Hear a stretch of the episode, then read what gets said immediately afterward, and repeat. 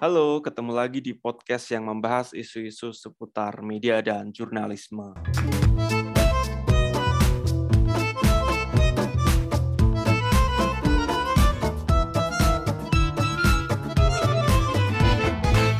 Nah, masih dalam edisi prediksi uh, media dan jurnalisme uh, 2022. Uh, jadi kalau buat teman-teman yang baru mendengarkan podcast ini, jadi uh, edisi prediksi 2022 ini terinspirasi dari apa yang dilakukan oleh uh, Newman Lab setiap tahun. Jadi Newman Lab meminta uh, puluhan uh, jurnalis, pekerja media, aktivis, juga peneliti media untuk uh, memberikan kira-kira uh, tren apa yang akan berkembang di dunia media dan jurnalisme di Amerika di 2022. Nah, terinspirasi dari sana, jadi untuk uh, edisi akhir tahun 2021 dan awal tahun 2022, saya mewawancarai beberapa orang yang uh, berlatar belakang jurnalis, uh, akademisi, aktivis, dan juga peneliti media. Nah, kepada mereka saya bertanya tentang isu-isu atau tren apa mengenai isu media, jurnalisme, dan komunikasi secara umum yang menarik untuk kita perhatikan di tahun 2022 ke depan. Nah, uh, untuk episode kali ini saya sudah bersama uh, Irma Garnisia, jurnalis dan uh, fact checker di Tirto ID. Irma banyak menulis dan juga melakukan cek fakta begitu ya. Jadi nanti Irma bisa memberikan gambaran apa yang menurutnya penting untuk diperhatikan khususnya dalam kaitannya dengan cek fakta dan misinformasi di Indonesia di tahun uh, 2022 atau uh, ke depan. Kita sapa saja. Uh, halo Irma, apa kabar, Ma? Halo Mas Wisnu. Sehat ya, Ma ya? Ya, sehat alhamdulillah. Oke, mantap alhamdulillah. Oke, mungkin langsung saja ya, uh, Ma ya. Jadi sebagai pengantar gitu ya, kan kita tahu ya beberapa tahun belakangan uh, banyak media di Indonesia yang semakin memberikan porsi yang besar untuk rubrik uh, cek fakta gitu ya. Beberapa media Indonesia juga tergabung dan diakui di uh, International Fact Checking Network ya IFCN dan aku kira Tirto salah satunya ya dan juga bulan Desember kemarin juga baru saja ada Indonesia Fact Checking uh, Summit. Nah dalam konteks semakin besarnya arus misinformasi, kukira hal tersebut bisa dipahami. Apalagi media juga nggak hanya harus menjernihkan arus informasi, tapi juga bertahan dari serangan misinformasi itu sendiri. Nah, yang pertama, Ma, menurutmu dan dari pengalaman sebagai uh, jurnalis yang melakukan cek fakta dan juga riset kayak gitu, apa sih sebenarnya uh, problem yang dihadapi oleh media-media uh, di Indonesia, khususnya dalam melakukan cek fakta di tengah uh, gelombang misinformasi yang semakin kuat ini, Ma? Oke, um, ya Mas Wisnu, makasih kesempatannya um, udah diundang ke podcast ini um, mungkin sedikit uh, dari aku sendiri aku udah melakukan cek fakta di Tirto sejak 2019 um, setahun sebelumnya Tirto juga udah bergabung di International Fact Checking Network atau IFCN uh, lembaga yang memberi um, kredibilitas kepada bukan kredibilitas ya signatory atau verifikasi kepada media untuk melakukan fact checking itu sendiri gitu. Nah, um, kalau misalnya problem yang dihadapi media menurutku ya, um, itu bisa dibagi dua. Yang pertama ke fact checkernya langsung. Mungkin beberapa kali aku sempat singgung ini gitu ya, um, secara pribadi gimana seringnya fact checker diserang sama anti vaksin gitu, buzzer gitu ya. Um, terus juga apalagi ya, um, konspirasis konspirasis dan juga pengikut mereka yang masif gitu di media sosial gitu. Dan um, yang kedua kalau misalnya untuk medianya sendiri banyak banget kan sebetulnya yang melakukan uh, fact checking fact checking itu bahkan media-media yang enggak tergabung di IFCN sendiri gitu. Jadi kayak um, ya udah um, ikut berkontribusi aja terhadap um, isu yang lagi viral gitu. Oh ada yang bikin cek fakta nih ya udah gue bikin juga gitu. Dan um, jadinya tuh uh, masyarakat secara umum um, tentunya dengan fact checking yang termasuk baru juga dalam praktik um, apa di jurnalisme ini um, masyarakat juga ini apa sih fact checking ini? Gitu. Terus kenapa tiba-tiba ada yang um, bisa ngerating sesuatu di media sosial jadi salah gitu jadi setengah salah gitu ya uh, dan diklaim hoax gitu. Jadi banyak juga media-media lain yang melakukan praktik ini walaupun mereka nggak um, apa berada dalam IFCN gitu. Dan menurutku ini jadi agak kurang ajak ya jadinya karena um, apa jadi kayak semua orang bisa melakukan fact checking aja gitu nggak ada separasinya antara media yang kredibel um, dan media yang ya udah ikut-ikutan aja gitu. Hmm. Sebenarnya problemnya kalau dalam konteks itu uh, apa namanya uh, fact checking kemudian jadi hal yang apa ya bahasanya ya karena semua orang bisa melakukannya jadi uh, semua orang juga nggak nggak nggak nggak punya standar yang sama gitu ya Maya kalau aku nangkep dari yang kamu sampaikan tadi ya terutama yang media-media yang bisa kita bilang nggak kredibel gitu ya? Atau gimana Mas? betul betul Mas. Jadi ya Eh, media online kan uh, pada dasarnya tuh banyak yang ikut-ikutan aja ya berkontribusi hmm. terhadap uh, virality gitu. Um, dan asal menambah klik buat mereka ya udah mereka bikin juga gitu. Dan tadi um, juga yang Mas Wisnu bilang itu betul belum adanya standarisasi gitu terhadap fact checking gitu. Uh, mungkin mungkin bukan standarisasi seperti itu karena tiap newsroom pasti punya gitu. Tapi yang aku rasa over the years adalah nggak um, adanya evaluasi terhadap fact checking ini gitu. Sehingga menyebabkan kayak um, makin lama media tuh makin I don't know if even if I allow to say this gitu ya tapi kayak um, makin melenceng dari standar gitu beberapa media fact checking sendiri gitu. Kayak harusnya bisa dibikin lebih um, apa panjang lagi, lebih mendalam lagi, tapi kadang hanya dengan konfirmasi fact checkingnya selesai gitu, atau mengutip situs-situs yang kayak um, cuman menyajikan flash news saja terus selesai gitu, padahal masih banyak lagi um, apa yang bisa diangkat dari misalnya COVID-19 gitu ya, salah satu yang sering um, masuk ke dalam hoax gitu ya um, ininya gitu, jadi kayak makin lama standar itu makin berkurang aja gitu dan um, mungkin lebih ke mengejar quantity gitu gitu mas.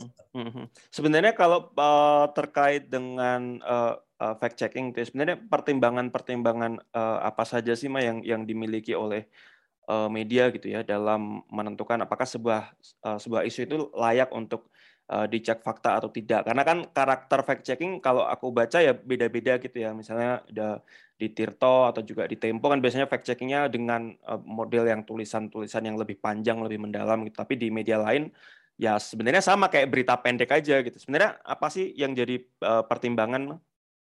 Oke. Okay. Uh, mungkin kalau misalnya um, secara gampangnya gitu ya bisa dibedakan ke um, sebanyak apa orang yang mengerjakan fact checking di satu media itu gitu. Kalau misalnya lebih banyak tentu lebih banyak juga yang bisa monitoring isu di media sosial gitu kan ya atau juga di grup WhatsApp gitu. Sehingga bisa ditulis gitu. Tapi kalau misalnya media yang um, sumber dayanya lebih sedikit uh, mungkin mereka bakalan lebih fokus ke virality aja, isu yang berpotensi viral atau isu yang emang udah viral dan um, apa meresahkan gitu ya. Bisa kayak begitu gitu. Soalnya sebetulnya um, apa IFCN bukan IFCN fact checking ini kan bekerja sama dengan Facebook gitu. Um, jadi Facebook itu juga menyediakan dashboard buat kita monitoring isu-isu apa yang lagi viral atau berpotensi viral gitu. Dan nggak cuma di Facebook aja tapi di Instagram juga gitu gitu sih mas. Jadi kita tinggal pilih dari sana aja gitu. Hmm, artinya memang uh, tergantung ini ya tadi dari sisi sumber daya medianya dan juga dari sisi kira-kira uh, dengan sumber daya tersebut isu apa yang akan jadi prioritas gitu ya Maya kalau tadi aku tangkap ya? Betul betul betul. Hmm, karena nggak nggak semua bisa punya sumber daya yang sama jadi mungkin pada aspek yang viral aja gitu kan ya?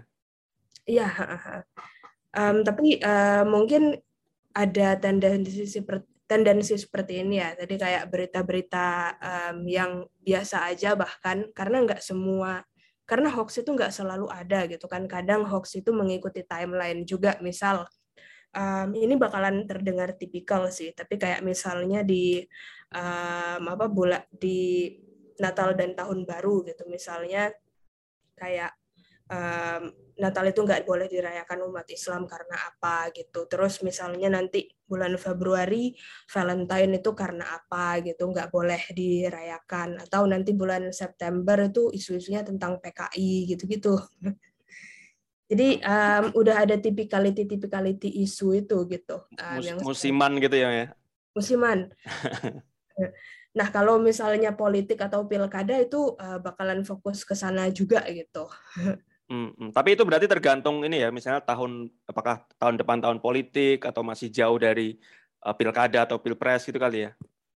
Ya, biasanya juga mengikuti isu yang lagi rame di publik sih. Misal kalau COVID pasti masif banget ya COVID, hmm, uh, tapi bisa dibagi-bagi kayak misal ppkm level berapa, nah terus nanti ada aja yang uh, bikin hoaxnya gitu, kayak larangan-larangan apa gitu uh, dari pemerintah atau nanti um, apa pas awal-awal pandemi misalnya kayak obat-obat uh, tertentu yang bisa dijadikan um, untuk menghilangkan COVID misalnya gitu ya atau um, apa awal-awal kan juga tentang selain obat itu misal tentang antiseptik gitu antibiotik gitu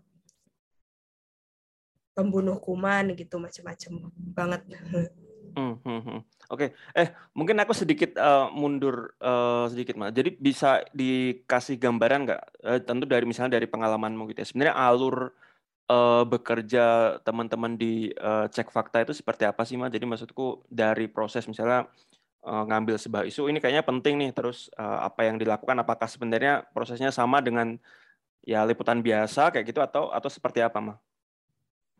Mungkin um, sebetulnya tergantung dari kesusahan kasusnya kali ya, kayak misal kita ngelihat di dashboard nih um, ada isu tentang uh, anggaplah COVID-19 gitu kan konspirasi teori gitu.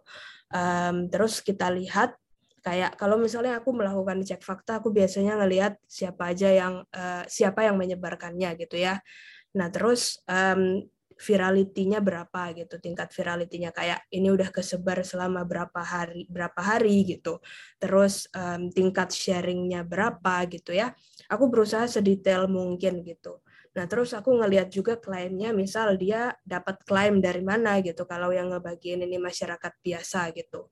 Atau um, misal dia mengaku sebagai peneliti gitu. Aku lihat juga um, asal usul dia sebagai peneliti itu dia peneliti di mana, dia terdaftar di pemerintah atau enggak, dia punya sertifikasi sebagai peneliti atau enggak gitu. Nah terus nanti baru tuh um, kayak konfirmasi ke misalnya Satgas Covid gitu ya. Dalam hal ini mungkin uh, Siti Nadia atau uh, Wiku gitu. Terus bisa juga kayak um, di sumber-sumber terpercaya, misalnya WHO atau jurnal Nature gitu, um, atau konfirmasi ke dokter gitu ya uh, terkait um, apa yang perlu dikonfirmasi gitu. Dan um, apalagi ya? Oh oke, okay. uh, nah terus biasanya aku sampaikan juga ke editorku, ini ada isu seperti ini, kita baiknya angkat atau enggak ya gitu. Nah, terus nanti kalau misalnya tektokannya udah oke, okay, tulisannya udah jadi, uh, tulisan itu dipakai buat nge-rating gitu. Jadi prosesnya nggak berhenti di artikel naik aja nggak, tapi kita rating juga postingan tadi di Facebook itu sebagai um, false misalnya atau partly false kalau misalnya tulisannya setengah salah gitu atau uh, missing context kalau misalnya um, tulisan ini mungkin nggak salah tapi ke depannya mungkin bisa uh, bukan tulisan konten ini mungkin nggak salah tapi bisa dijadikan kayak um, apa misleading uh, masyarakat gitu. Um, untuk menyesatkan masyarakat gitu. Um, seperti itu sih biasanya hmm. biasanya berapa berapa hari mah kalau kira-kira di mungkin di rata-rata gitu ya? Atau beda-beda waktunya biasanya? Uh, biasanya kalau misalnya Tirto gitu ya dalam hal ini uh, Tirto lah um, hmm aku bisa ngomong seperti itu. Aku biasanya nulis dua seminggu sih. Hmm. Hmm. Um, jadi kayak biasanya kita nyari isu nih Senin gitu. Nah terus ya langsung tulisin, besoknya editorku editin gitu. um, kayak gitu juga uh, besoknya cari lagi terus editorku me mengeditkan gitu dan uh, biasanya mereka expect aku nulis sampai seribu kata gitu dalam sekali tulisan itu. Jadi kayak seribu sampai dua ribu kata gitu seminggu sih. Menurutku ya menurutku itu um, salah satu cara yang baik ya uh, untuk menulis. Jadi kita nggak terlalu capek gitu kan dalam um, apa seminggu kita nggak exhausted gitu. Misalnya di tulisan ketiga terus asal-asalan gitu. Uh, jadi ya itu juga yang kita um, apa lakukan agar menjaga kualitas tulisannya gitu. Jadi kita masih bisa mikir, oh ini harusnya bikinnya kayak begini gitu. Ini kita harusnya ngeceknya uh, ke WHO ke mana gitu ya Terus misalnya kita mesti baca apa aja untuk bisa menulis seperti ini gitu. Karena dalam hal periksa fakta COVID-19 sendiri tentu kadang kita ngelihat konteksnya di Indonesia gitu. Terus konteksnya di luar gimana gitu. Terus kayak um, apa misalnya membahas vaksin gitu.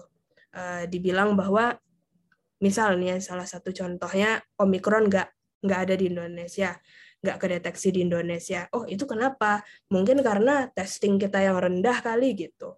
Nah, terus kayak uh, tentu kita juga mesti ngomong Omikronnya kayak gimana sekarang state-nya di secara global gitu. Terus apa aja yang kita ketahui tentang Omikron. Jadi ya basically kita uh, speaking as a whole issue gitu.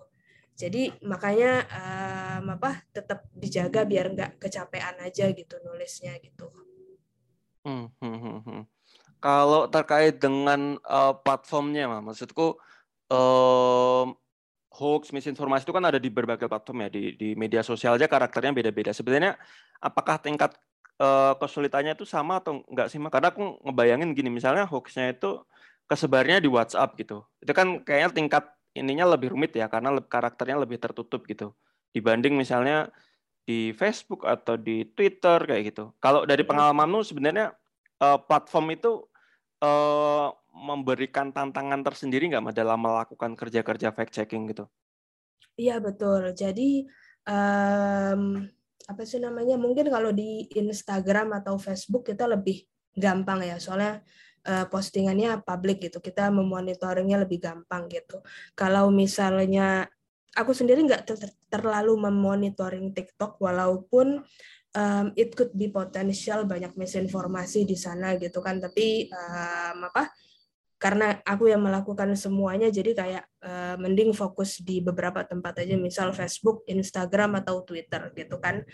Um, dan kalau misalnya WhatsApp um, kita juga berusaha sih awalnya kayak uh, bangun komunikasi ke WhatsApp. Bisa nggak sih kita kayak um, nge-flagging uh, maksudnya rating gitu ya uh, rating ini postingannya salah di WhatsApp gitu. Uh, nggak bisa karena mereka makin lama tuh makin um, ini private um, apa policy mereka itu peraturan mereka itu makin lama makin private gitu. Dan jadinya kalau misalnya WhatsApp yang dilakukan uh, pemeriksa fakta tuh ya cuman kan banyak tuh yang bikin chatbot gitu kan kayak um, apa ya masyarakat bisa mengadu oh ini hoax enggak nih? gitu. Nanya terus uh, nanti chatbotnya balas ini termasuk hoax ini baca artikel kami gini. Masih ke seperti itu aja gitu. Dan paling banter tuh WhatsApp tuh cuman bikin forwarded by many gitu. Kalau misalnya ada postingan yang udah di forward lebih dari lima kali postingan itu bakalan ada forwarded by many-nya gitu tanda itu gitu. Tapi nggak akan lebih dari itu karena mereka uh, menjaga kerahasiaan gitu kan gitu hmm, hmm. dan forwarded payment itu juga sebenarnya belum tentu bermasalah ya pesannya ya belum tentu soalnya kalau misalnya kita copy lagi terus kita kirim ke orang jadinya baru lagi hmm, nah gitu. uh, kalau menurutmu mah di tahun 2022 gitu apakah uh, problem ter termasuk tantangan di platform yang semakin privat itu uh, akan sama atau ada hal lain gitu yang menurutmu penting untuk diperhatikan oleh uh, tim uh, cek fakta atau pemeriksa fakta di media di tahun 2022 atau ke depan gitu kalau kamu melihat trennya? Sebelumnya masalah sebelumnya seperti sebetulnya masalahnya itu seperti ini kan karena cek fakta itu udah berjalan dari lima tahun sejak sejak lima tahun lah dan mungkin um, apa Facebook dan IFCN itu sendiri baru bikin program dari 2016-an gitu ya. Uh, mungkin aku uh, bisa cek lagi nanti atau bisa ini klarifikasi lagi nanti. Tapi sama sekali nggak ada evaluasi gitu. Uh, udah selama itu gitu. Dan mungkin problemnya juga karena um, Facebook sebagai perusahaan yang fokusnya di barat gitu atau global north dan nggak fokus di global south gitu ya. Jadi kayak konten-konten yang berbahasa Indonesia gitu, apalagi Asia Tenggara banyak bahasa yang beda-beda dan mereka nggak punya banyak representatif uh, di sini gitu. Jadi um, apa? Belum ada standarisasi, belum ada evaluasi gitu ya dan ketika kita masih belum punya evaluasi seperti itu um, kita nggak bisa dong uh, bilang ke depannya bakalan um, apa untuk lebih baik itu seperti apa gitu. Tapi mungkin hal yang perlu diperhatikan uh, juga oleh media itu adalah um, seperti ini ya.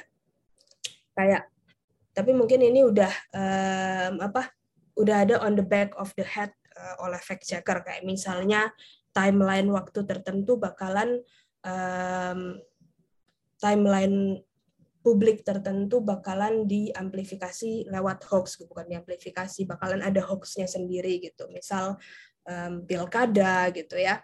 Atau misal um, apa pemilu 2024 nanti gitu ya.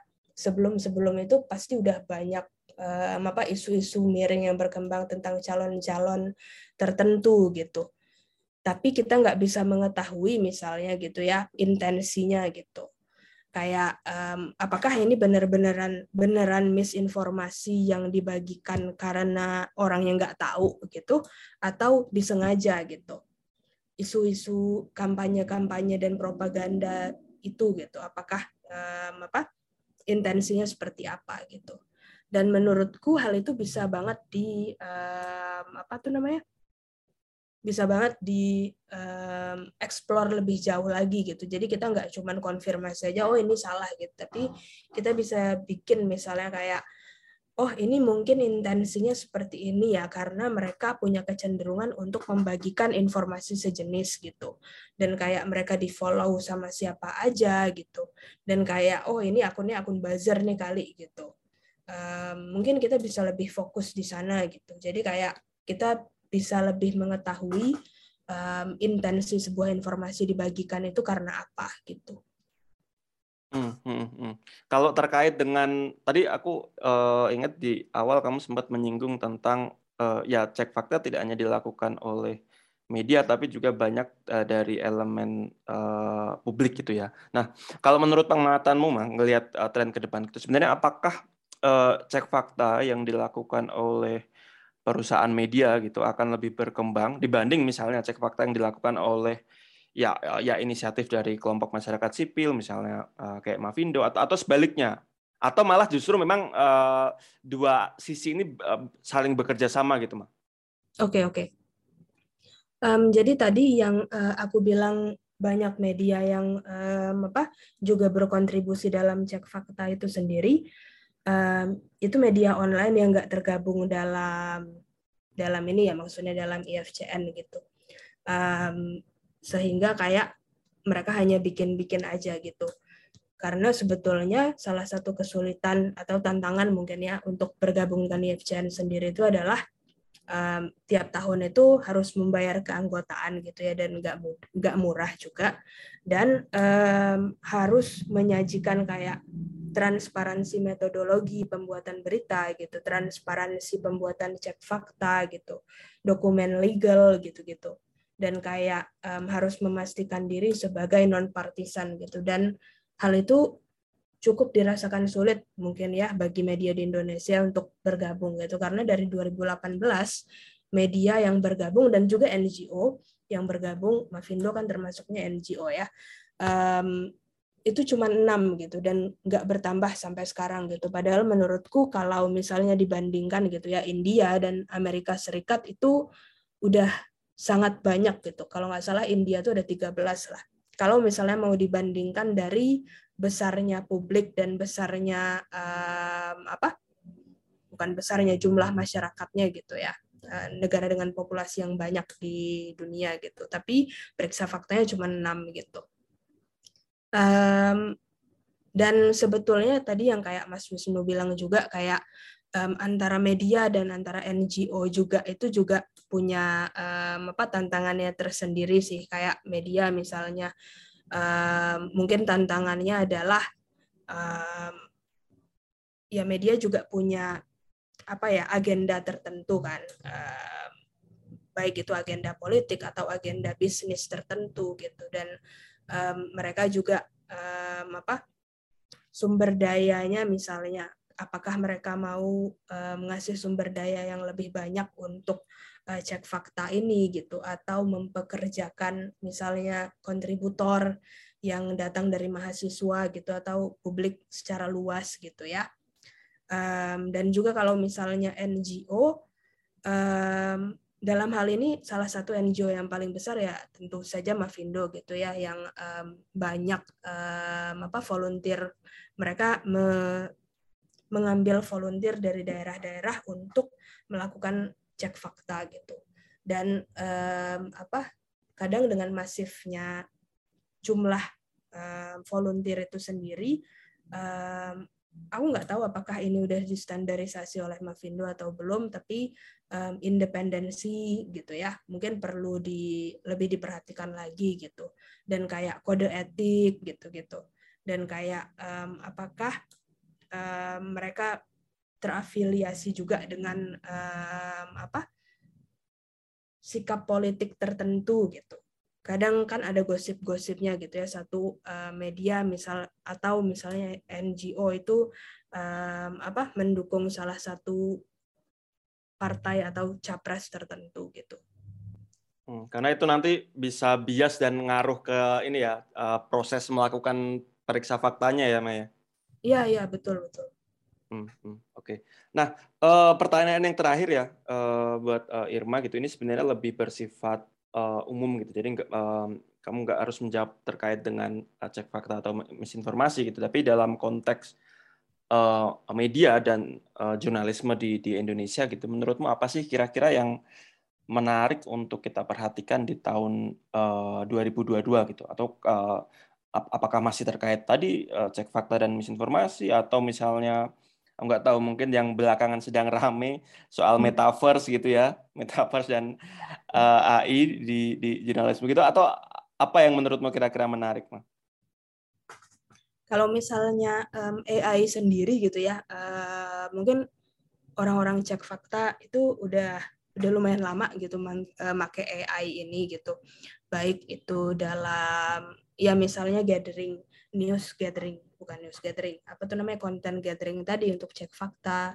Nah terus uh, Facebooknya sendiri juga ngebantu gitu untuk misal kita ngerating satu konten tapi kita nggak perlu ngerating nyari konten-konten yang lain gitu. Jadi mesin mereka bakalan nyari um, apa teks yang sama di satu foto nanti bakalan um, otomatis ke flag sendiri ini sebagai false gitu um, begitu juga dengan proses uh, yang proses cek fakta, fakta yang kita lakukan gitu menggunakan tools-tools um, kayak reverse image search gitu ya terus kayak Google Earth gitu-gitu um, citra visual gitu-gitu udah biasa dilakuin gitu. Tapi kadang mungkin um, overlooked uh, by traditional journalism this kind of process gitu ya. Dan um,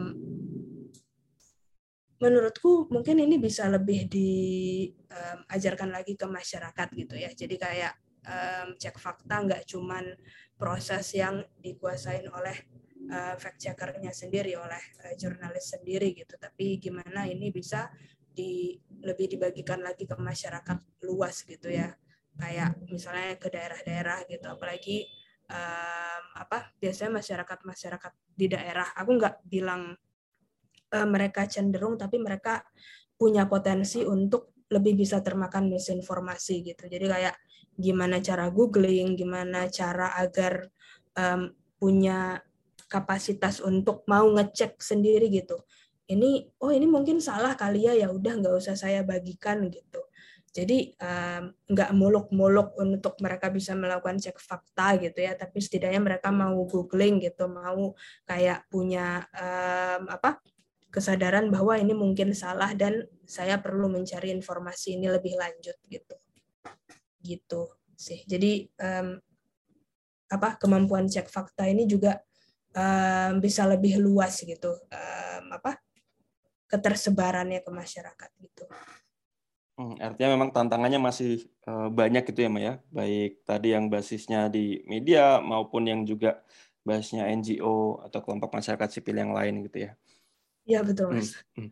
Oke, okay, uh, eh, Irma, aku kira uh, begitu. Terima kasih sekali atas uh, insight-nya dan uh, sudah mau meluangkan uh, waktu untuk sharing gitu ya. Semoga uh, sukses di tahun 2022 dan nggak terlalu banyak misinformasi yang perlu dicek fakta dan uh, bikin ribet gitu ya, Maya.